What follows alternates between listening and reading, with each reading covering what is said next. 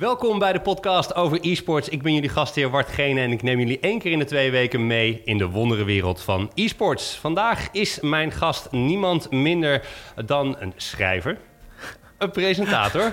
Ehm, hij is ook een, een gastheer, kun je zeggen. Maar hij staat misschien beter bekend als eh, de allereerste e-sporter van Ajax, koning FIFA. Het is natuurlijk Koen Weiland. Welkom in, eh, in de podcast. Dat is wel een hele mooie inleiding zo. Ja, maar dat, dat doe je toch tegenwoordig, presenteren. Je hebt een boek geschreven. Ja, dat klopt. Ja, boek geschreven, dat, eh, dat klinkt alsof ik inderdaad elke letter zelf eh, heb geschreven en het allemaal zelf in elkaar heb geknutseld. Ja. Maar daar heb ik wel heel veel hulp bij gekregen van, van de uitgever en, en zo heet de ghostwriter. Maar inderdaad, eh, wel een boek Ja. dat nu verschijnt, ja. Nou, dus daar ben ik wel heel benieuwd naar het, het verhaal daarachter. Ja, waar wij het vandaag even over moeten hebben, is natuurlijk de nieuwe game die eraan komt, FIFA 19. Ik ben heel benieuwd wat je ervan vindt, hoe je erover denkt. Eh, maar ja, ik wil het ook wel graag hebben over eh, FIFA als e-sport. Ja, Eh, nou, zoals jij en ik weten, ik heb me daar regelmatig over uitgelaten. Jij ook. Maar ik, ik ben ontzettend geïnteresseerd in het onderwerp. En ja, volgens mij ben jij de persoon die mij daar alles over kan vertellen. dat denk ik ook wel, ja. Ja, laten we gewoon een be- beetje beginnen in, in ja, waar het voor jou begonnen is. Want ik ken jou eigenlijk een beetje... wij- volgens mij hebben we elkaar voor het eerst ontmoet in 2011... in de Ziggo Studios in Rotterdam. Ja, in Den Haag was het denk ik. Voor die? ESWC-qualifier. Ja. Ja, ja dat, eh, zo staat het mij ook bij inderdaad. Ja, dat was in Den Haag. Vrij zeker, toch? Of was het... Ja, nee, het was Den Haag. Ja, vrij speelde jij op de PlayStation 3 volgens mij als Koentje. Ja, Koentje Ah. 92. Koentje 92 zelfs. ja, ik ben er bang voor. Ja, dat was in het begin wel mijn eh, nickname, ja. Maar je hebt toen wel gewonnen, toch? Ja, Ha. klopt. Ja, dat was heel gestoord. Dat filmpje heb ik nog, eh, nog vaak teruggezien. Omdat ik helemaal lijp werd bij mijn winnende doelpunt in de finale. Ik won toen die eerste leg in de finale met 6-1. En die tweede was super spannend. Ook tegen gewoon echt een Nederlandse topper. Levi, die is nog steeds actief. En toen was het in de tweede leg zo spannend. En toen maakte ik in de allerlaatste minuut een hele lijpe goal van een hele grote afstand. Dus je ziet mij dat filmpje zo hard schreeuwen. Als ik het zelf terugzie, dan schaam ik me kapot. Staat volgens mij op het eh, eh, YouTube-kanaal van Power Limited, denk ik nog. Dat klopt. Ja, Ja. was met Power Limited toen. Dus ja. mocht je het willen zien... Misschien kan ik wel even de audiofragment eh, erin editen. Oh, maar ja. eh, even kijken als we dat nog redden. Ja, dat is Ja. altijd leuk, weet je? Ja, het is wel- Enthousiasme Het is en, eh, een hele lijpe, hele lijpe kreet, en, inderdaad. en audio. Maar ehm, ja, kijk, FIFA en e-sport... dat is natuurlijk een, is een beetje sinds de E-divisie echt op de kaart gezet. Maar jij speelde het al toen het gewoon op landparties was en dergelijke. Ja, pff, dat gaat echt ver terug. Toen in 2010 inderdaad werd ik voor het eerst Nederlands kampioen. Toen was ik net eigenlijk een paar maanden of een half jaar of zo dat ik naar het toernooi ging op locatie. Inderdaad gewoon in, in gymzalen en in scholen zeg maar of in cafés dat er dan gewoon ja, gewoon 16 of 32 PS4's met schermpjes stonden. Iedereen legde geld in en de winnaar die ging met, met, ook met geld of met een nieuwe PS4 naar huis. Of PS3 nog toen inderdaad. Ja. Ja, dat, dat waren zulke andere tijden. Had je dan nog een voorkeur voor PlayStation of Xbox? Of maakte dat nog uit wat er gespeeld werd? Volgens mij had je toen wel dat bij de Xbox allemaal die, die Legends en dergelijke uitkwamen. Ja, dat is zelfs nog wel wat later hoor. Want 2010, toen was het echt eh, FIFA 10, zeg maar. Mhm. Logisch. Het was, het was inderdaad FIFA 10. Ja, toen had je dat nog helemaal niet. Ik speelde toen op de PlayStation altijd, PS3. En die Legends die zijn volgens mij echt pas eh, nou, vanaf FIFA 16 denk ik pas echt, echt online met Ultimate Team gekomen. Toen speelde we überhaupt nog geen Ultimate Team. Hè? Op die toernooi speelde je dan gewoon met, met Real Madrid tegen Chelsea en zo. En pakte ik gewoon Frankrijk. Weet je wel, dus had je niet Ja. een Ultimate Team. Maar dan kon je ook gewoon met een landenteam tegen een clubteam spelen. Ja, mocht. Ja, sommige toernooien mocht het niet, maar meestal Ja. wel. Ja, en eh, was Real en Frankrijk waren jouw favoriete teams? Of? ja Waar, inderdaad. lag, Ik, waar lag dat aan? Nou, ik weet nog dat ik toen met Frankrijk heel graag speelde, omdat ze voorin allemaal eh, alle skill moves konden. Dus dat je Benzema, Anelka, Henry en Ribéry, die hadden allemaal vijf sterren. Dat weet ik nog. En die waren overal gewoon sterk en snel, zoals ze dat nu ook weer zijn, die Fransen. Ze gewoon, gewoon fysieke beesten. En Real Madrid is natuurlijk eigenlijk altijd gewoon veel te goed geweest sinds Ronaldo daar naartoe ging. Net als dat nu waarschijnlijk Juve heel goed wordt. Ja. Goede, goede verdediging hadden ze al. En nu ook nog Ronaldo en Dybala daar voorin. Ja, dat, eh, Als FIFA-speler kijk je gewoon naar de statistieken in plaats van... ja, is het een goede, Ja. goede, goede speler in het echt? Over het algemeen wel, ja. Over het algemeen wel. Soms speelt een speler heel fijn en dan heb je er niet echt een verklaring voor. Dan lijkt het ook niet echt te matchen met de, de, de statistieken zoals ze beschreven staan. Maar ik speelde bijvoorbeeld met Zierkov bij Chelsea. Ja, dat is geen, geen wereldspeler of zo. Maar toch verkoos ik hem dan eh, boven andere spelers daar. Maar eh, meestal eh, zeggen de statistieken wel heel veel, ja. Heb je nog meer van dat soort persoonlijke voorkeur gehad voor spelers... die jij eigenlijk wel gebruikte, maar anderen ja, niet of minder? Poeh, ja, echt zo terug in de tijd. Ja, ik weet nog... Of kan dat tegenwoordig nog, zeg maar, in de huidige FIFA Ultimate Team? Ah, ja, je hebt bijvoorbeeld met Ultimate Team ook wel van die spelertjes die dan gewoon, zoals Lozano van PSV. Ja, dat is niet een, hij is een vreselijk goede voetballer, begrijp me niet verkeerd, maar hij zit nog niet bij de wereldtop of zo. Mhm. Maar zo'n speler als Lozano, Alessandrini, dat zijn van die snelle spelertjes met een goed linkerbeen, of een goede, goed, goed zwak been, eh, die gewoon echt heel vaak worden gebruikt als invaller. En die ze komen toch beter uit de verf dan bijvoorbeeld een Benzema, die wel hogere stats heeft, maar toch gewoon niet fijn is omdat hij niet snel is bijvoorbeeld. Ja. En wat zou jij zeggen dat de grootste verschillen zijn, zeg maar, tussen die gymzaaltjes en al die dingen die je ook hebt meegemaakt, de ECC-qualifier, ehm, en waar we, waar we nu zijn beland? Is dat echt eh, een, een, een verandering geweest als dag en nacht? Dat het in één keer veranderde? Of? Nou, vrij geleidelijk denk ik wel. Want zelfs hè, vorig jaar of twee jaar terug ben ik nog wel naar dat soort toernooitjes geweest. eh, nog af en toe. Op een gegeven moment kreeg je gewoon veel meer online. Sowieso met FIFA 10 speelde je net eigenlijk één of twee jaar dat je, dat je online tegen elkaar speelde op PS3. Dat was vanaf FIFA 09 dat het echt goed kon. Mhm. Dus toen begon dat überhaupt net pas te komen. En ja, dan duurde het wel even voordat er ook echt online toernooien komen. En dat er ja, organisaties komen die dus inderdaad online met van die toernooiboompjes werken. En dat heeft wel even geduurd. Dat was niet, eh, niet van de een op andere dag, nee. Nee. Dus, En, ook, en ook voor FIFA zelf hoor. Dat het, eh, dat het nu lekker met Ultimate Team allemaal met die rankings gewoon hartstikke goed kan. En dat pas de laatste fase eh, op locatie is. Is het eigenlijk niet jammer dat je dan nu alles online speelt en dat je die, die spelers gewoon wat minder ziet in het echt? Vroeger kwam je waarschijnlijk op die toernooien en dan kom je altijd dezelfde koppen weer tegen. Ja, dat was wel leuk hoor. Echt wel, eh, wel vrienden gemaakt eigenlijk. Wel, eh, was een heel leuke community inderdaad. Dat je al wist van, nou, ik schrijf me in voor, eh, voor FIFA Live heette dat dan bijvoorbeeld vroeger. Of FIFA Divisie, allemaal dat soort organisaties. Ja. Die bestaan allemaal niet meer. En dan wist je al van, nou ja, als ik daar ben, dan ga ik zeker wel wat, wat van die gasten weer zien. Dus dat was inderdaad wel heel leuk. En dat, dat was, eh, was heel sociaal. Maar het heeft zich denk ik gewoon eh, ontwikkeld tot een wat, wat professionelere eh, sport al. En ehm, je hebt nu gewoon dat, dat wereldwijd mensen eigenlijk maar voor één ding strijden. En dat is op die hoogste podia van, van de IE staan. Ja. En wat maakt het dan nu professioneler dan, dan wat, het, wat het vroeger was, bijvoorbeeld? Nou, misschien is gestroomlijnder een beter woord. Of dat het, eh, dat het ehm, massaler eigenlijk is. Je speelt met z'n allen gewoon die weekend leagues. En je probeert je te kwalificeren voor die play-offs en voor uiteindelijk het WK. En er zijn niet mega veel toernooitjes op dit moment daarnaast. In elk geval niet op locatie. En ehm, je hebt nu in Nederland heb je bijvoorbeeld ehm, die jongen van, jongens van pro-players... die nog wel online toernooitjes Ja. organiseren. Eh, je hebt nu WePlayChampions.com. Daar heb je een hele ranglijst en daar komen ook wel toernooitjes. Eh, dus dat is juist weer eh, wat upcoming. Maar ja, het was, het was wel leuk om altijd op locatie daar die toernooitjes te spelen, ja. Ja. Nou, we hebben natuurlijk een hele carrière achter eh, de rug en daar wil ik het graag met je over hebben. Ja, alles flitst weer een beetje voorbij nu, Ja, ja. en eh, nou, wij hebben elkaar ook regelmatig eh, daarin in gezien. Ik weet nog dat we op een gegeven moment in een bus zaten met z'n allen met FIFA 16. Oh ja, ook en nog. als je ooit een keer een videootje daarvan terugkijkt, kijkt, dan zie je dat ik gewoon wagenziek ben terwijl ik aan het presenteren ben. Oh man, ja, dat was lijp, ja. Met twee van die enorme bussen van T-Mobile was dat toen, ja. En met Everton Apel en, eh en Jurie Mulder en. John de Wolf, die was toen ook heel Die was ook heel ziek. ziek. Ja, En was Koen, Koen en ontzettend leuk. Sander waren erbij. Ali Ja. B, best wel, best wel namen eigenlijk nog. Ja, het was, was een ontzettend leuke, leuke ervaring eh, om dat toen mee te maken. Maar ik wil eigenlijk een beetje door jouw eh, carrière heen gaan aan de hand van drie stellingen. Dat doe ik eigenlijk met, met iedere gast. Oké. En daarop antwoord je ja of nee. En dan gaan we daarna gaan we, ja, weet je, dan gaan we een beetje verdiepen erin. oké. Ja, ja. Ehm, de eerste is, nou, je hebt eh, zojuist eh, bekendgemaakt onlangs dat jij ging, eh, ging stoppen bij Ajax. Mhm. Ehm, het liefst zou ik zelf nog spelen, maar ik ben niet meer goed genoeg om mee te kunnen. Ja of nee? Nee. Je bent niet meer goed genoeg. Ehm, nou ja, de, de vraag is... Het liefst zou ik zelf nog spelen, maar ik ben niet meer goed genoeg. Ah. Als ik ja Oh. zeg, dan bevestig ik dat natuurlijk. Maar ja, ja, precies. Maar het liefst zou je, je zou niet meer liefst zelf spelen. Dat bedoel je met nee. nee, ja, klopt, klopt. Even gewoon... eh dan gaan we, kunnen we Dat is heel zwart-wit wel, Ja, ja, Ja, maar dat is het leuke aan de stelling. Ja. Ehm, FIFA 19 wordt de beste FIFA tot nu toe. Ja. Oh, dat ben ik heel benieuwd. eh, ik heb al vlogs gezien van Koert en dergelijke. Eh, andere speler, volgens mij van Malta. Ja, die Koert, die is nooit, eh, maar die is nooit tevreden. Ga even kijken. Eh, laatste stelling. EA en FIFA maken het toernooiorganisa- toernooiorganisatoren eh, te moeilijk om iets met FIFA te doen.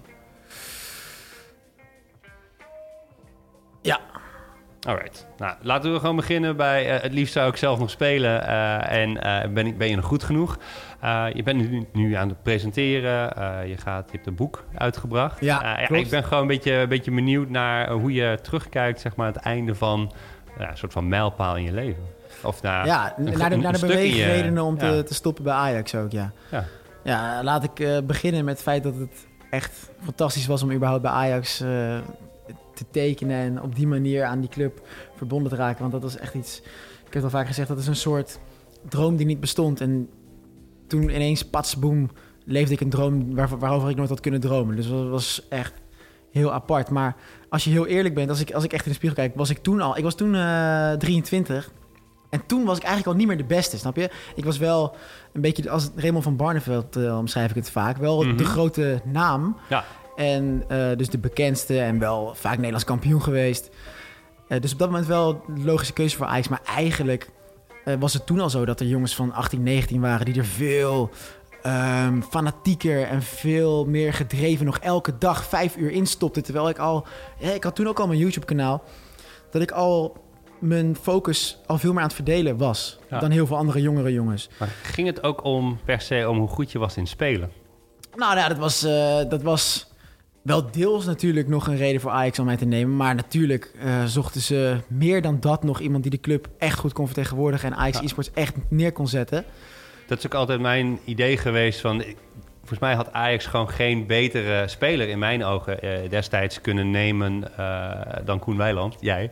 Eh, vanwege ook marketing doeleinden. Je hebt gewoon de babbel bij je. Je bent gewoon goed op, goed op camera. Dus qua, qua marketing, je komt gewoon lekker uit je woorden. Ik denk dat dat ook een heel belangrijk aspect is geweest, ook denk ik, van de E-divisie. Ja, en dan heb je, althans dat is nog steeds mijn mening over destijds. En dat was toen ook al zo. Dan had je met jou gewoon het beste pakket. Ja, dat- ja eh, daar ben ik ook van overtuigd. Ja, dat is gewoon zo. Dat, eh, dat, daar twijfel ik ook niet echt aan. En ehm, ja, dat was ook, we waren ook allebei hartstikke, hartstikke gelukkig met die samenwerking. Dus dat, dat, Ja. het was top. En het was tegelijkertijd ook weer hartstikke logisch dat Ajax dan toch al vrij snel de allerbeste speler van dat moment erbij neemt. Want Ajax Ja. is Ajax en daar moet je altijd winnen. En daar moeten toch de prijzen worden gepakt. Hij heeft het ook bewezen, Dani. ja 100%. Dus Ja. dat is, dat is eh, ook een hele goede keuze geweest van Ajax. Dus eigenlijk hebben zij dat gewoon hartstikke goed gedaan. Maar hoe was dat moment? Ik bedoel, ehm, je weet, je gaat die gesprekken aan eh, met, eh, met Ajax. Dan weet je, dat ik word nu als eerste aangekondigd. Ja. Nou, er waren al geruchten over eh, dat er een E-divisie Ja. zou komen. We wisten nog niet hoe het heette, maar we wisten wel dat de Nou ja, dat is ook heel, dat is heel grappig, maar dat weet eigenlijk ook bijna niemand. Maar ik, ik werkte natuurlijk het jaar daarvoor nog samen met Endemol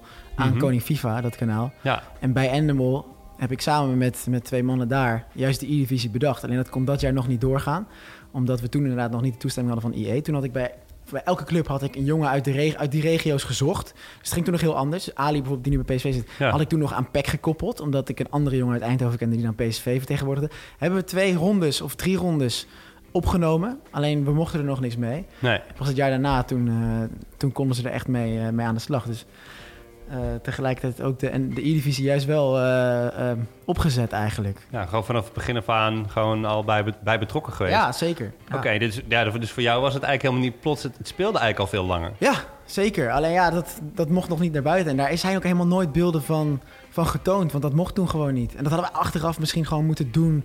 En dat je daarna EA op je dak krijgt. Eh, maar toen was het meer van... eh, we maken twee, drie pilot speelrondes. En dan laten we het Ja. zien aan EA. En van, joh, mogen we dit doen? Dan mag het natuurlijk niet. Nee. Dan- Vaak is het antwoord nee, maar ik denk wel dat eh, destijds iets meer mocht nog dan, dan tegenwoordig. Maar daar komen, we- daar misschien komen we zo wel. nog wel op terug. Ja. Ehm, maar ja, dan heb je bij Ajax gespeeld. Je had natuurlijk al die keer carrière waarbij je had laten zien eh, met Koning FIFA en op de landparties dat je gewoon een ontzettend goede speler was. Wat is eigenlijk een beetje het hoogtepunt geweest in die periode qua, qua spelen, qua prijs die, je die je pakte? Bij Ajax bedoel je of eh, daarvoor? Daarvoor nog. Daarvoor. Eh, eigenlijk een paar momenten. Eh, Ik denk twee momenten die er wel echt uitschieten. Eentje is dat ik eh, in Almere echt de, de, in sommige hun ogen de officiële Nederlands kampioenschap won. Het officiële Nederlands Wat is, Nederlands waarom kampioenschap. was dat officieel? Ja, omdat dat toen inderdaad door het Nederlandse marketingbureau zeg maar, vanuit IE werd georganiseerd. En dat je daarmee inderdaad je kwalificeerde voor kwalificaties voor de FIWC op dat moment. Ah, ja, ja. En er waren toen net als bij, nou, ah, eigenlijk ook weer heel gek die maak ik een beetje de vergelijking met darts. Maar er zijn heel veel organisaties die toen zeiden dat ze het NK organiseerden. Ehm, maar toen ik die won in Almere in de finale van, eh, van Tony Kok, ook een, gewoon een geweldige speler die, Ja. zich, eh, die zich in de jaren heeft bewezen als, eh, als wereldtopper. En Toen- als mediapersoon. Ja, ja. op een andere manier, ja. Maar ik bedoel, komt ook hartstikke goed uit, eh, uit zijn woorden. Dus, eh, maar hij heeft gewoon een, een, paar dingetjes ja, eh, gehad. precies. Ja. Nou, Hoef ik... eh, hoef ik- het niet over te Precies. hebben. Maar eh, Nee, maar dat ik toen eh, hem versloeg in de finale in een volle bioscoopzaal eh, met Game Kings erbij. En dat ik toen inderdaad eh, echt als officieel Nederlands kampioen werd gezien. En ehm, ja, de manier waarop hoe ik me toen voelde en dat ik die finale inging met zo'n gevoel, eh, ik ga deze winnen. Ik, ik voelde me zo goed en dat is wel echt ehm, een heel mooi moment geweest. En ging het helemaal niet om geld of iets dergelijks? Nee, helemaal niet. zo. Ik heb er geen, geen euro mee gewonnen zelfs. Letterlijk nul. Nee. En ook geen, en niet eens een PS4. En ik bedoel niks. Gewoon alleen gewoon eer en dat je Nederland daarna mag vertegenwoordigen op de Duitse kwalificaties voor het WK. Dat, dat was het. Maar Is het dan ook jammer dat zeg maar, nu begint een beetje het geld op gang te komen? Die denkt, nou, had dat nou vijf jaar eerder gedaan? ja, hier heb ik het ook vaak, vaak met, eh met Pasky, een vriend van mij, over gehad. Van aan de ene kant denk je van, shit, was dit er, wat er nu is, was dat er maar geweest toen wij 17, 18 waren. Aan de andere kant denk ik, eh, het is nu zoveel moeilijker om je te onderscheiden en om de beste te zijn. Want de, de, de top is veel breder, de, de halve wereld weet ervan. Ja, het is gegaan zoals het is gegaan. En ja, ehm, het heeft niet zo heel veel zin om op die manier te denken. En anders hadden we misschien ook wel niet eh, er nu aan overgehouden wat we nu hebben. Dus Ja. Ja, je hebt natuurlijk wel je naam opgebouwd door de jaren heen. En daardoor precies. Was, je, was je ook daar op, op, eh, op die plek. Ja, er waren toen drie man die Nederlands kampioen konden worden of zo, zeg maar in theorie. Er waren gewoon drie, vier echt vreselijk Wie goede. waren dat? Nou ja, dus Levi die ik eigenlijk al noemde, die was er ook echt wel vroeg bij. Ehm, Tony kwam al vrij snel. En Absalom. Dat, wij vieren vormen in mijn ogen wel echt eh, jarenlang de top. En eh, nu is dat wel anders. Ja, je hebt er gewoon meerdere, meerdere jongens die Echt eh, vreselijk veel goede spelers. Ja. Ja. Nou, en je kan het ook veel beter natuurlijk online nu volgen. eh, met je, zeker in het weekend dat je die toplijsten hebt. En, eh, Iedereen leert van elkaar. Iedereen kijkt elkaar streams, elkaars video's. Eh, Het is veel, veel moeilijker om nog verrassend te spelen eigenlijk. Maar ja, nu een einde aan, aan die carrière. Presenteren, boek schrijven, hoe kom je daar dan bij? Nou, presenteren heb ik al wel eigenlijk echt heel erg lang als ambitie. En niet voor niks toen natuurlijk ook met YouTube begonnen. En toen was ehm, het e-sporter worden bij een club nog niet eens een issue. Dat, dat ja, had ik toen nog nooit verwacht zelfs dat dat zo zou gaan gebeuren. Dus presenteren wilde ik altijd al wel.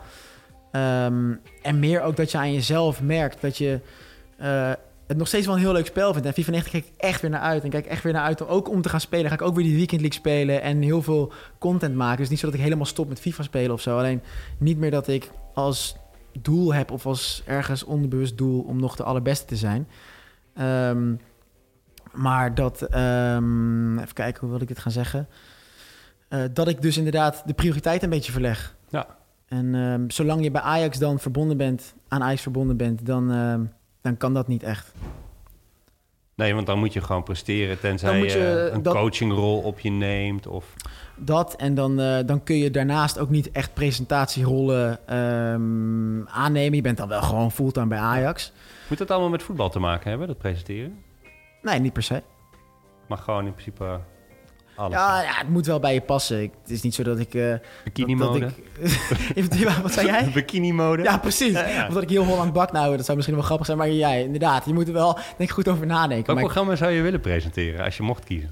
Ehm, ja, toevallig heb ik precies een jaar geleden tien afleveringen van een programma gedaan.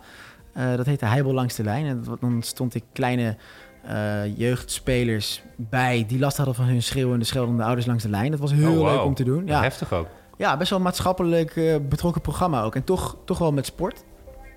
Vond ik echt heel erg leuk om te doen. Ehm, ja, kijk, eh, maar dan heb je het heel erg over tv-dingen presenteren. En ik heb daar nog niet heel erg over nagedacht. Het is meer dat ik uiteindelijk wel de ambitie heb om, om presentator, commentator te worden bij, zeg een Fox Sports bijvoorbeeld. Dat soort, eh, dat soort eh, dingen lijkt me gewoon hartstikke mooi om te doen. Maar ja, de, de afgelopen jaren in mijn leven had ik nooit zo kunnen uittekenen. Dus ik heb echt geen idee waar ik, over, waar ik Ja. de komende jaren allemaal, eh, allemaal het, zit. het ligt open. ja, echt. Ja, en, Ja. Dan, en dan even het boek. Ja, Eh, het- eh, de titel van het boek is ehm, Leven met e-sports. nou nee, het- de het? titel is eigenlijk Strijder. Strijder. Strijder en in de ondertitel is inderdaad Leven als een professioneel e-sporter. Leven, oké. Ja, dat is de ondertitel. En kwam dat idee van jezelf? Of kwam op een gegeven moment iemand naar je toe en zei... hey, laten we een boek schrijven? Nee, ja, nee, echt idee van de uitgever. Ik kreeg in één keer een eh, berichtje in mijn inbox ehm, van, eh, van Hans, van de uitgever Cosmos. En die zegt... eh Hi Koen, ja, je kent me niet, maar heb jij er ooit over nagedacht om een boek te schrijven? En nou, eh, dat weten sommige mensen wel. Ik heb vroeger eh, redactiewerk gedaan, ook voor Ajax Showtime, de grootste supportersite van Ajax. Dus ik hou heel erg van schrijven. Ook eh, op school waren dat altijd gewoon dingen die ik het leukst vond. Talen, spreken en schrijven. Dat, dat vond ik heel erg leuk. Ehm, dus ik zei meteen ja. Lijkt me, lijkt me fantastisch. Toen dacht ik nog dat ik het echt helemaal zelf zou schrijven. Weet je wel? Dat ik, dat ik, dat ik echt Ja, zelf ja, achter mijn laptop zou zitten. Gaat iets anders. Het is echt een enorm proces. Daar sta je helemaal niet bij stil hoeveel daarbij komt kijken. Voordat je zo'n boek... Ja, ik ben er gewoon op, op zich benieuwd naar. Ik bedoel, ik heb zelf ook geschreven. Wat, wat, wat is wat je het meest verrast heeft aan dat proces? meer hoeveel mensen er binnen zo'n uitgeverij bij betrokken zijn. Ehm, je staat gewoon niet stil bij het hele proces van dat er, dat er dus iemand eerst gesprekken met jou gaat voeren van oké, wat is je verhaal en is dat interessant genoeg? Kunnen we wel genoeg vertellen? Eh, waarom zouden mensen dat willen lezen? Dat, daar begint het eigenlijk al mee. Dan moeten ze zoeken naar iemand die jou daarbij gaat helpen. Hè? Een ghostwriter heet dat dan. Iemand die daar ervaring mee heeft om zo'n verhaal op te schrijven. Ja. Eh, dus daar ben je al veel mee bezig. Dan is er nog iemand die constant de, eh, de structuur ehm, van alles, ehm, als het ware, eh, onder controle moet houden. Hè? Een, een, een layout technisch. Eh, we moeten overal foto's bij zoeken. Ik moet overal foto's zoeken van vroeger, van, van het heden. Wauw. En dan moet je, moet je ook alweer allemaal weer checken of je die mag gebruiken. Eh, je moet nog zelf drie keer dat hele verhaal door om te checken of je het helemaal Dus goed je hebt dat opgeschreven boek vindt. eerst zeg maar drie keer zelf moeten Ja, gelezen. echt, ja, letterlijk. Ja, ja. ja. En, dan nog, en dan begint het ook natuurlijk pas met het hele marketingtechnische verhaal. Ja. Dus Hoe lang heeft het geduurd, het proces? Ehm, bijna een jaar. Ik denk dat ik in november vorig jaar of zo voor het eerst daar eh, bij de uitgever aan tafel zat. En nu de reacties eh, op, op het boek? En, eh, Nou ja, eigenlijk nog niet. Nu we hier zitten is het eh, 28 augustus geloof ik. En 4 Ja. september is hij officieel pas uit. Dus Oh. niemand heeft hem nog. Ik heb hem zelf net, een paar dagen. Oké.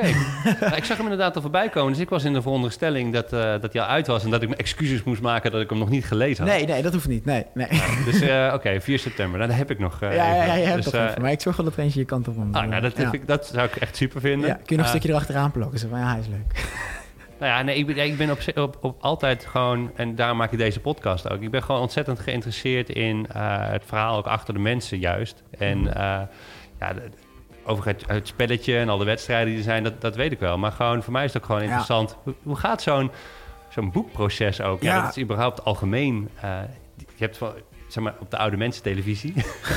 ik bedoel, eh, daar ga, heb je vaak van die boekenclubs. Ik ben zelf iemand die veel, eh, veel leest. Ja, Uh, maar ja, hoe, hoe zoiets tot stand komt, heb ik geen idee van. ja ik, ik stond er in elk geval niet die manier bij stil. Dat er zoveel mensen bij betrokken zijn en dat het inderdaad zo'n lang proces is. Je denkt gewoon van, een auteur heeft een verhaal. Hè, daar is hij misschien een paar maanden mee bezig. Hij stuurt het op en, en kafje erbij en je bent er wel.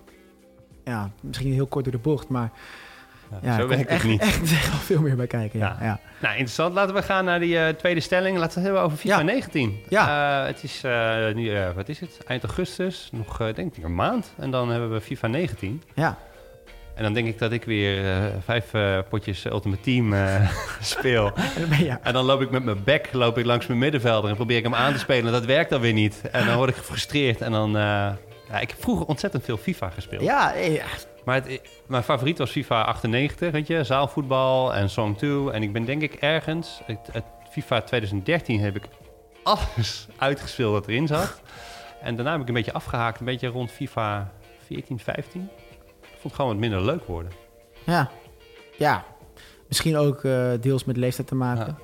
Of ik moet, ik moet even denken. Ja, nee, dat was wel, eh, ja, nee, dat is, dat is ik zeg, dat, twee, FIFA 13, nee, dat, dit was FIFA 2003. Nee! Zo ben ik al. oh. Dat was volgens mij met Ronaldinho nog op de cover. Nou ja, in, ik, weet, nou, ik weet dat FIFA op de 2000, Gamecube. 2000... Oh ja, dat is, wel, lang- dat is wel lang geleden. Laat maar. Ja, maar FIFA 19, la- laten we het Ja. daarover hebben. Ja. Nou ja, ja, jouw stelling was of dat de beste FIFA ooit wordt. Ja, En ik zei ja. waarom? Ehm, Heb je hem al gespeeld? Ik heb nog niet gespeeld. Gek genoeg eigenlijk. Want dat is, dat is denk ik eh, de laatste jaren nog nooit voorgekomen. Dat ik hem eind augustus nog niet heb gespeeld. Maar ehm, wel veel van gezien uiteraard. Al veel over gelezen. En veel van andere jongens gehoord. Ehm, en eigenlijk was mijn antwoord op de vraag nog niet eens per se daarop gebaseerd hoor. Ik, ehm, in, de, in de manier waarop het speelt en eh, dingetjes die zijn veranderd. Ja, ik weet niet eens of dat allemaal in mijn voordeel werkt bijvoorbeeld. Of dat dat echt grote toevoegingen zijn. Alleen ik ben er toch wel van overtuigd dat, dat FIFA het spel elk jaar wel ontwikkelt. En dat er veel meer dingen eh, beter worden dan dat er slechter worden. Dus Ja. daarom zei ik eigenlijk zo overtuigd ja. Het enige waar ik echt, echt op hoop is gewoon dat het een stukje... Ik noem het eigenlijk gewoon online gebruiksvriendelijkheid. Dat dat gewoon echt wordt aangepakt. En dat je online gewoon echt... En dat het echt e-sport waardig wordt. Want dat is in mijn ogen nog niet helemaal het geval eigenlijk. Ehm, daar heb ik één hele lange video over gemaakt. Dat, dat als ik eh 40 potten zou winnen dat weekend... zou ik me kwalificeren voor, voor WK-kwalificatietoernooi... waar iedereen bij wil zijn. Ik eh, had op dat moment 29 Ik heb die tweet ja, gezien van ja, dat, nou, dat was, maar dat is, Ja, krankzinnig. vertel, maar dat is wel, vertel. precies, dat is wel precies eigenlijk waar dit over gaat. Ehm, ik had toen 29 van mijn 29 potten gewonnen. En je moet je voorstellen, daar heb je dus een heel weekend de tijd voor. Ehm, 40 potjes in twee dagen. ja, precies. Alleen lijken de servers van EA het niet aan te kunnen dat er zoveel mensen dat spelen of zo. Niemand weet precies wat het, wat het is, hè. Maar een spel als Call of Duty, ik noem maar, wat, dat speelt altijd hetzelfde, toch? Het is niet zo dat, dat je het... eh, misschien heel af en toe dat er even wat lag is. Lag kan altijd. Maar FIFA, dat speelt dan gewoon echt totaal anders. Je kunt... eh, patronen die je dan normaal wel kon, die kunnen dan niet. Het gaat allemaal trager. Je, je kunt niet wegdraaien. Je kunt met verdedigen. Als je instaat, ben je altijd een seconde te laat. Het is gewoon... Het hele mechanisme van het spel is dan anders.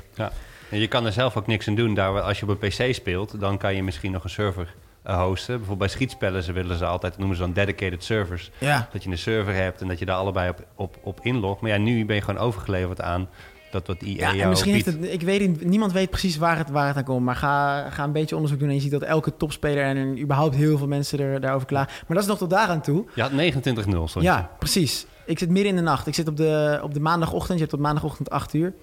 Ehm, ik ging naar bed ongeveer om 2 uur. Ehm, want ik had echt een pot ter nauwe nood gewonnen. Vijf uur ga ik er weer uit. Dat maakt in principe allemaal niet uit, maar dat is wel leuk voor het verhaal. Ik speel die 30ste pot. Vroege ochtend. Ik sta 1-0 voor. Ik ben zelf in de aanval. En het is niet meer internet dat eruit vliegt. Nee, ik word uit de EA-server gegooid in mijn 30ste pot. En daardoor verlies ik hem, terwijl ik nog voor stond ook. Ja. Daardoor wordt mij letterlijk die kans op, op deelname aan het WK ontnomen. Ik win mijn laatste tien potjes nog. Geen idee hoe, wat dat voor mentale eh, gekke kracht is. Maar ik dacht van oké, fuck it, dan maar 39. Misschien redden we het met 39 ook nog. Die kans was er. Het is natuurlijk bizar al dat je 40-0 gaat in een weekend. Precies, dat, dat overkomt me namelijk maar één of twee keer per jaar. Want Ja. dat is echt, dat is super Maar moeilijk. dat is 39-1 is ook al gewoon... voor Is de, voor de mensen goed. die Dat- luisteren, dat is bizar. Ja, en daar, zou ik, daar ben ik eigenlijk altijd hartstikke tevreden over hoor. Dat is Ja. inderdaad eigenlijk al hartstikke lijp. En ja, dat, dat is heel moeilijk. Ehm, maar ja, er gebeurt dus iets totaal buiten jouw macht. En dat gebeurt niet, niet één keer. Dat gebeurt gewoon echt vaker. Dat gebeurt meer mensen. En dat is gewoon hartstikke belangrijk. Want daardoor, daardoor loop je gewoon een enorm groot toernooi mis. En zolang dat soort dingen gebeuren binnen FIFA... ehm, vind ik dat ze nog niet helemaal klaar zijn voor die, voor die laatste stap... om echt e-sports waardig te zijn. Wat zouden ze dan nog bijvoorbeeld aan, aan e-sports... eh, kijk, ik, ik heb het altijd over de spectator mode. Ja, Eh, dus dat, je, dat is betekent dat één persoon in de game de camera bestuurt. Eh, dus, en dat je dus niet het perspectief... Nu zie je het perspectief van de speler. ja. Dus je gaat mee de menus in en dergelijke. En de spectator mode houdt eigenlijk in dat je andere dingen in beeld kan laten zien... die eh, relevant zijn voor de kijker, maar niet voor de speler. juist, ja. Eh, dat heb je Ja, precies. Ik, Ja. ik had al een antwoord paraat van ja, iedereen Ja. streamt, dus dat, waarom moet dat nog? Maar inderdaad, dit is wel. eh, Het, het- voordeel is, stel je voor, ehm, jij zit in China en ik zit in Amsterdam. ja. en, we willen, en een andere partij wil dat livestreamen vanuit Amerika. Dan kan je gewoon als spectator in de game en vanuit Amerika dat livestreamen. Zo werkt dat bij bijvoorbeeld Dota of League of Legends. Eh, je hoeft niet op dezelfde locatie te zijn als de spelers. Dus als je de wedstrijd wil, wil uitzenden en je kan bijvoorbeeld allerlei data in beeld laten zien. ja, dat. Maar dat is Eh, vooral interessant. Ja, Ja. die, die je als speler wil het helemaal niet zien. Nee. Houd, houd beeld eh, lekker vrij. Eh, maar voor de kijkbeleving eh, is dat, ja, maakt het gewoon een stuk interessanter. Dat is echt super, super interessant zelfs. Ja, of dat je de camera hoe kan instellen. Of, nou, maakt, maakt in principe niet, niet uit. En dat, heb- vind ik, dat is eigenlijk Ja, altijd dat je wel wat ik eigenlijk mis. als, als, inderdaad, als derde partij, in dit geval, hè, je bent niet een van de spelers, maar je bent een derde partij, Ja. dat je als het ware een soort extra regisseur kan zijn over wat er, van wat er wordt uitgezonden. Ja, en dat is exact wat al die andere games wel hebben. En het is zelfs bij Dota 2 zo dat je als, eh, als je kan zelfs in de game kan je in, in het spel dat gespeeld wordt als kijker, dan kan je overal op klikken. Dus je kan ook gewoon één speler volgen van de tien die in de game zitten. Wauw. Dus, ehm, en dat is, ja, dus het is ook gewoon een vak. een soort van cameraman in, in games zijn. En dat is wel wat ik gewoon Ja. mis aan FIFA. Want ik kom uit de productiehoek. Ja. Eh, en voor mij is het altijd, ja, eigenlijk moet ik altijd op dezelfde plek zijn als de spelers. En dan wordt het ook heel lastig om een online toernooi te livestreamen. Ja, nee, het is wat dat betreft... eh, Het wordt is, het is wel te wordt doen, maar... Nee, wat dat betreft worden de wedstrijden zelf nog best wel op een eh, droge, saaie manier getoond. En dan kun je, dan kun je nog zulke eh, leuke, echte commentatoren op locatie hebben bij dat soort, dat soort grote events. Ja. En nog zo'n mooie hele entourage eromheen hebben. Maar inderdaad, de wedstrijden zelf worden vrij basic, basic getoond. Dan zit je soms gewoon een half uur letterlijk gewoon naar, dat, naar puur dat spel te kijken. Ja, en, en dus dat is een beetje wat ik mis. En wat ik ook jammer vind aan FIFA eSports. Ik ben er niet helemaal in thuis. En dan ga ik bijvoorbeeld Mhm. kijken naar een EK of een belangrijke, belangrijke wedstrijd, zoals Amsterdam. En dan zie ik wel scores voorbij komen, maar kan nergens de tussenstand vinden. Ik heb nu uiteindelijk met Ja. de WK heb ik wel eh, ehm, de, het bracket systeem gevonden ergens Ja. online. Dat ze officieel zelf eh, gebruiken. Dus heel, FIFA.gg. ge- heel gebrekkig in, ja. Ja, ehm, en dat is gewoon wat de organisatie gebruikt. En die was... Ja, ja. maar nou, dat is dus eigenlijk helemaal niet voor, eh, voor het... Voor...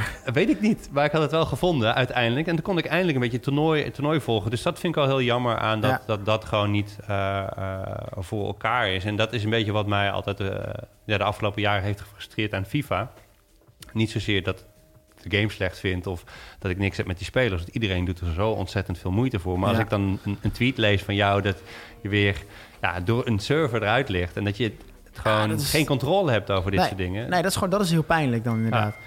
Dat is heel pijnlijk. Dat zegt genoeg. Die video is echt eh, vreselijk vaak bekeken ook. Dus echt voor mij een van de beste video's van de afgelopen maanden. Maar dat zegt genoeg. Het is gewoon een, het is gewoon een bekend probleem. En als EA dat aanpakt, want over het spel zelf, zeker gewoon hè, als je offline tegen elkaar speelt of als je online gewoon een heerlijke verbinding hebt, Ja. is echt wel iedereen te spreken over hoe die game in elkaar zit. Tuurlijk zijn er altijd wel eh, lichte bukjes of er gebeurt altijd wel wat raars met FIFA. Natuurlijk. Dat, dat Ja. ik ben er echt wel eh, eh, bewust van dat dat zelfs in FIFA 19 wel weer zal gebeuren. Wordt het ook met de jaren zo? Kijk, ik speel zelf FIFA niet. En dat heb ik zelf ook met fighting games. Kijk, met fighting games weet ik dat als je de game goed kent... dan zie je ook gewoon heel goed wat iemand doet.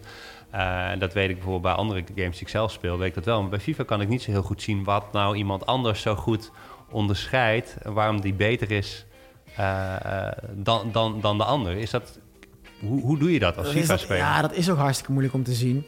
Ehm, je probeert als commentator ook een beetje te wijzen op dingen als, als rust en geduld. Dat zijn vrij aantoonbare dingen. Hè, dat iemand niet telkens snel blind naar voren wil, maar gewoon rustig. Oh, is het te druk? Oké, even terug en Ja. weer door. Dat is vaak op het hoogste niveau heel bepalend.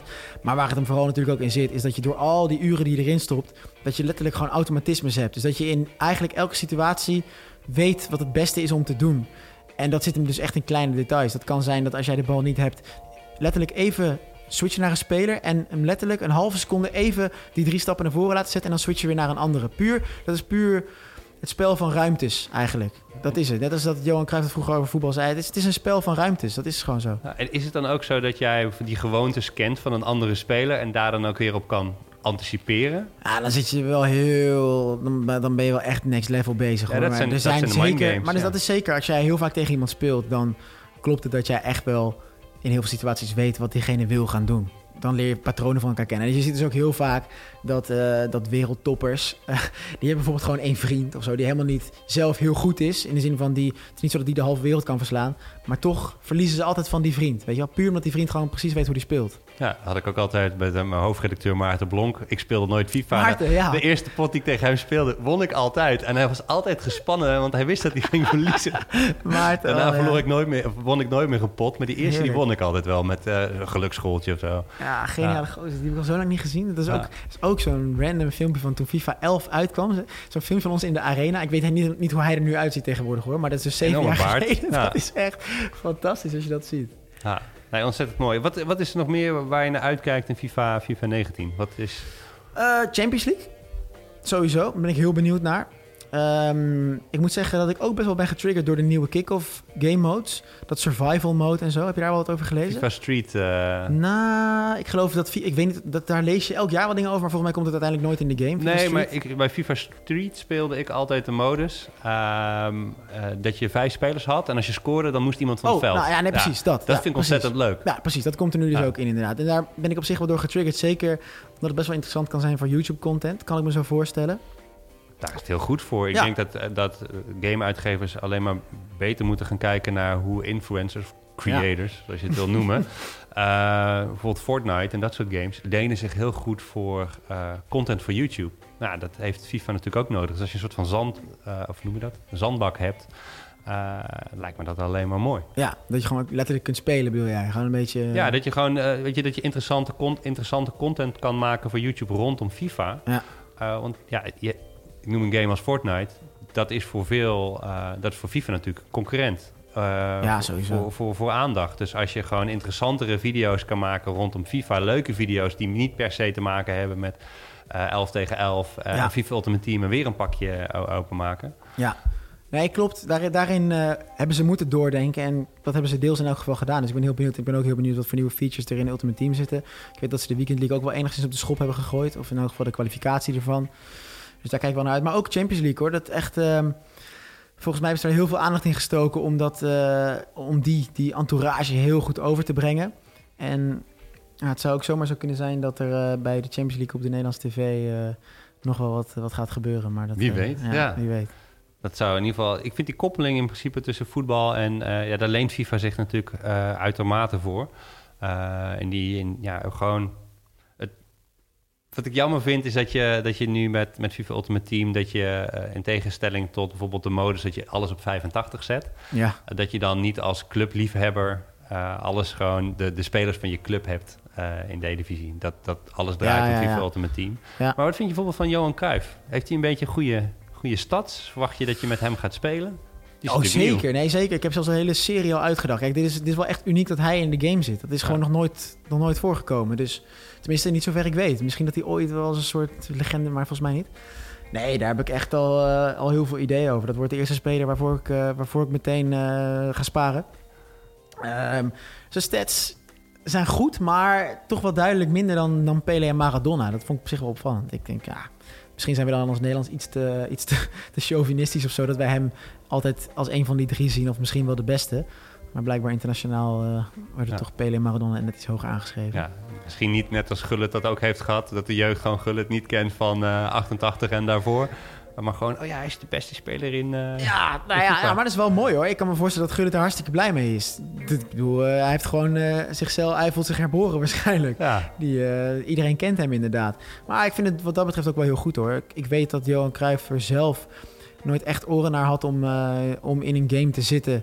Omdat hij nooit kinderen wilde stimuleren om, om binnen te gaan zitten gamen. Maar hij Mhm. wilde juist kinderen altijd aan het sport te brengen. hè. Ook met zijn eh, Cruijff- met zijn Cruijff Foundation. Cruyff Foundation. Cruijff Foundation. Maar waarschijnlijk hebben zijn, eh, zijn, zijn nabestaanden... Ik weet niet hoe dat gaat hoor. Ik moet nu geen verkeerde dingen invullen. Maar waarschijnlijk hebben die gedacht van... Nou weet je, zijn naam moet wel blijven eh, voortleven. Dus laten we het maar gewoon doen. Ja, maar dan wel gewoon met eh, waardige, waardige statistieken. Ja, uiteraard. Ja, Ja, maar dat, dat verdient hij. We gaan even naar de laatste stelling. EA en FIFA maken toernooi, toernooi ik blijf struikelen over dat woord, toernooiorganisatoren te moeilijk om iets met FIFA te doen. Je had het over eh, sporthallen, eh, je hebt natuurlijk sportclubs waar allemaal FIFA-toernooitjes worden gehouden. Eh, ik heb het gevoel dat EA er sinds, nou ik weet eigenlijk al zeker dat EA er sinds FIFA 18 veel meer op zit wie wat met FIFA doet. Ja, ik weet in elk geval dat EA het op zich leuk vindt hè, als mensen FIFA-toernooitjes organiseren. Maar zodra je ehm, daar ook maar een klein beetje geld aan wil verdienen...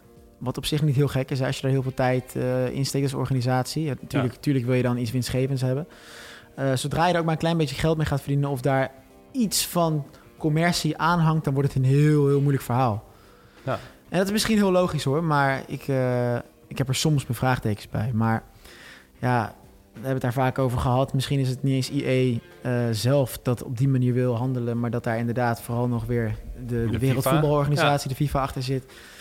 Dus dat. eh, Ik merk het ook met race games via hetzelfde verhaal. Dus eigenlijk is het die fantasy games, ja, je kan ervan houden of van niet, niet van houden. Eigenlijk is het bij sportgames zo, volgens mij, dat het een stuk lastiger is om dat soort dingen te doen, omdat je met allerlei recht, rechten is het. zit. Je zit met zoveel rechten en zoveel verschillende partijen die, die overal wel weer wat voor betalen. En ja, als, als Mastercard blijkbaar zo'n grote, grote sponsor is van de, van de UEFA of van de FIFA, dan wordt het dus al heel lastig om, nou, dat hebben we met de E-divisie gezien, iets met PayPal te gaan doen. Dus heb je, ja, dat zijn dingen waar je dan dus tegenaan loopt. eh, dan kun je een hartstikke leuk format eh, opnemen met z'n allen met de E-divisie. En zeven echt superleuke afleveringen draaien. En die liggen allemaal al klaar om uitgezonden te worden. Maar dan, ja, als IE dat niet toe kan staan of niet toestaat, dan houdt het op. Ja, dat is gewoon vervelend. Heb jij iets meegekregen van de NBA in Amerika en hoe zij dat hebben, hebben aangepakt? Ik hoor er wel vaak goede dingen over in elk geval. Nou, wat zij hebben, nou, dan heb je dus inderdaad de organisatie die erachter staat. En dat is dan de NBA. En wat zij eigenlijk hebben gezegd is, nou, je speelt het 5 tegen 5. Eigenlijk een soort van pro-clubs. Mhm. Uh, en dan heb, heeft iedere speler heeft een, een vaste hoogte. En dan krijgt een team krijgt een aantal punten die ze kunnen verdelen over de spelers. En zo stel je een, een, een, een team samen. En ze hebben natuurlijk ook zo'n draft dat je in Amerika dan kun je je speler kiezen uit zoveel, uh, Aha. uit, uit zoveel spelers. En dat vind ik een hele interessante benadering. Dat, dat je bijvoorbeeld in plaats van uh, dat je alle spelers op 85 zet, dat je bijvoorbeeld, oké, okay, Ja. je speelt nu met. Moet ik even geen uh, rivaal van, uh, van Ajax uh, noemen. Je speelt met VVV. Oh, maar dat maakt niet uit. Nee. je speelt met v nee, Fortuna Sittard. Ja, daar, moet iedereen van houden van Fortuna. Ik ben zelf geboren in Sittard. Nee, niet. ja, ge nou, geen fan per se van Fortuna. Maar je speelt met Fortuna Sittard en je krijgt gewoon evenveel punten als Ajax. Ja. alleen ja, je mag zelf bepalen of je dat in een aanvaller stopt of in een verdediger of, of dat staken. Ja, dat, dat lijkt mij ontzettend interessant. Ja, alleen dat zijn wel interessante dingen. het businessmodel van FIFA Ultimate Team. Precies, Komt dat, dan, uh, dat is het, dat is het. Vind jij ook van die pakjes openmaken? Oké, okay, ja, dat is, ook, dat is, ook, een interessante vraag. Nou, uh, laat ik het zo zeggen.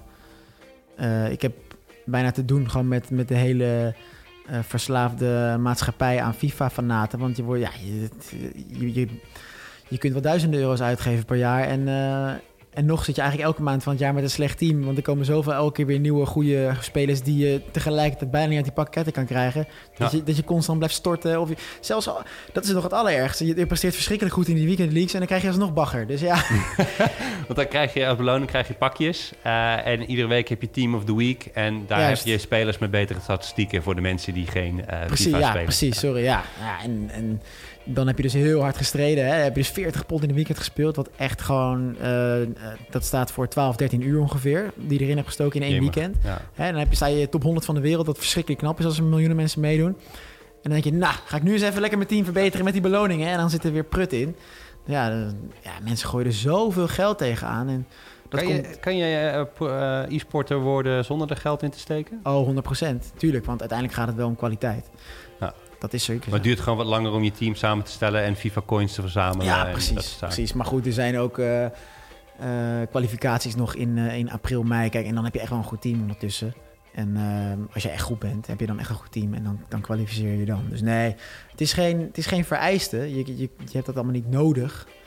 Maar goed, mensen willen gewoon snel gaan. Dat is die verslaving, zo werkt dat. Je wil gewoon meteen als dat spel uit is, wil je, wil je niet uh, twee maanden aanklooien met een, uh, met een beugelsdijk. Nee, je, je wil, uh, je wil Ramos. Ambroos. Ja.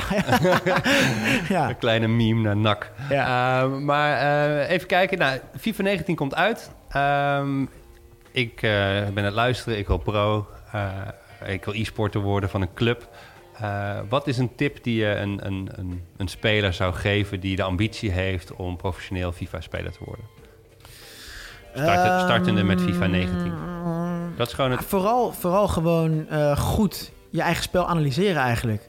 Het is heel vervelend om te doen als je een wedstrijd hebt verloren. Maar ga toch kijken waar het fout gaat. Waar leidt je balverlies? Uh, als jouw tegenstander gevaarlijk wordt, wat doe jij met je verdediging? Stap je misschien wel heel vaak verkeerd in? Loop je met bepaalde spelers uh, dusdanig dat je, dat je grote gaten trekt voor hem? Het is echt je spel tactisch gezien best wel analyseren. En zo word je best wel snel beter. En als je dan constant zelf ook tegen steeds betere spelers gaat spelen... en dat kan natuurlijk tegenwoordig hartstikke makkelijk met die divisies... en daarna in die, in die dan word je vanzelf echt wel beter. Um, en dat doe je gewoon met de in-game replay functionaliteit?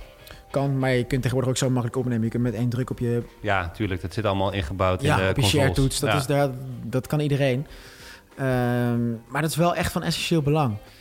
Dus en als is... je dat niet kan, dan moet je ineens beginnen aan, uh, aan uh, nou, e-sport te worden. Dan kun je je telefoon nog neerzetten. ja, nee, inderdaad. Nou, dat, dat kan echt iedereen tegenwoordig. En um, dat is het. Vooral gewoon jezelf analyseren. Kijk echt naar hoe anderen het doen. Kijk livestreams van, van topspelers. En daar leer je echt heel veel van. Ja. Dat kon ik vroeger nog niet eens natuurlijk. Dat soort dingen. Dus het nee. was echt puur gewoon tegen steeds betere spelers spelen. Jij moest naar die sporthallen toe. Ja. Bijna wel. Nou, je had wel die online ranglijsten, dus dan kwam je ook automatisch wel tegen mensen Online die in dat- ranglijsten, vertel. Ja, dat vroeger. Kijk, dat was eh, hoe je vroeger gewoon online speelde met FIFA 09, FIFA 10. Toen had je nog gewoon eh, ehm, online seizoenen heette dat. Dus dan moest je ook elke wedstrijd gewoon een team kiezen, Real of Chelsea. Eh, had je nog geen, tenminste, je had voor mij net Ultimate Team, maar dat werd nog weinig gespeeld in die jaren. Ehm, maar je zag ranglijsten van de wereld en ook van Nederland zelfs, was super vet. Zag je van, wow, de beste Nederlander is dus Andries Smit bijvoorbeeld, weet je wel. En dacht van, ja, ik wil daar ook. Wereldkampioen van 2006. Precies, ja, sowieso. Terecht dat ik hem even noem, want dat is gewoon Ja. een legende. Maar ehm, ja, dan denk je, fuck, ik wil er ook tussen staan. Zeker nog, ik wil niet top 100 van de wereld komen. En dan zei je op een gegeven moment zei je 8327ste, weet je wel. Ik zie mezelf op de voetbaltraining komen elke week. Van, hey man, hoeveel sta je nu? Ja, man, ik ben weer 1200 plekken gestegen. Ja, en zo Ah, ging dat. Dus Ja. dan kom je dus ook steeds tegen betere spelers. En daar werd je zelf weer beter van. En kom je op een top 100 binnen. Oh man, ja, dat was vet. Dat was echt heel vet. We hebben het even gehad over wat je gedaan hebt. Eh, we hebben het gehad over FIFA 19. Hoe ziet de toekomst van Koen Weiland eruit? Eh, nou, de, de, de aankomende toekomst eh, wordt hartstikke leuk. Want ik kan vol nu op mijn YouTube-kanaal eh, in gaan zetten. Ehm, ik heb weer alle ruimte om met, met iedereen te praten en met iedereen afspraken te maken. Ehm, ik ben met heel veel leuke partijen in gesprek. Ik ben gisteren bij Talpa langs geweest. Ik ben vandaag bij 100% voetbal geweest. Dus er komen har- hartstikke leuke samenwerkingen ook aan met, eh, met YouTube. En, eh, en hopelijk heel veel dingen daarnaast. Nou, ik ben ontzettend benieuwd. Ik ga je volgen. Eh, waar kunnen mensen jou volgen als ze dat nog niet deden? Bijvoorbeeld op Twitter, Instagram. Waar, waar ben jij het actiefst? Ik ben het actiefst op Instagram, denk ik. Twitter probeer ik wel een beetje op te krikken. Zeker internationaal is dat nog wel gerespecteerd social media, maar sociaal medium. Maar ja, YouTube natuurlijk vooral. Straks als FIFA 19 uit is, komt er heel veel eh, YouTube-content. Ja, en ja, je ziet er gewoon visueel verantwoord uit. Dus ja, dan hoort er ook een fotootje bij. Eh nou, Koen kan je dus volgen op, eh, op Instagram. Wil je mij volgen, dan doe je dat op uh, op Twitter. Ik wil je ontzettend bedanken voor deze, deze aflevering. Ja, jij bedankt. Een stuk, stuk wijzer geworden. En nou, voor de luisteraars thuis, dankjewel voor het luisteren. En tot de volgende aflevering. Ciao. Ciao.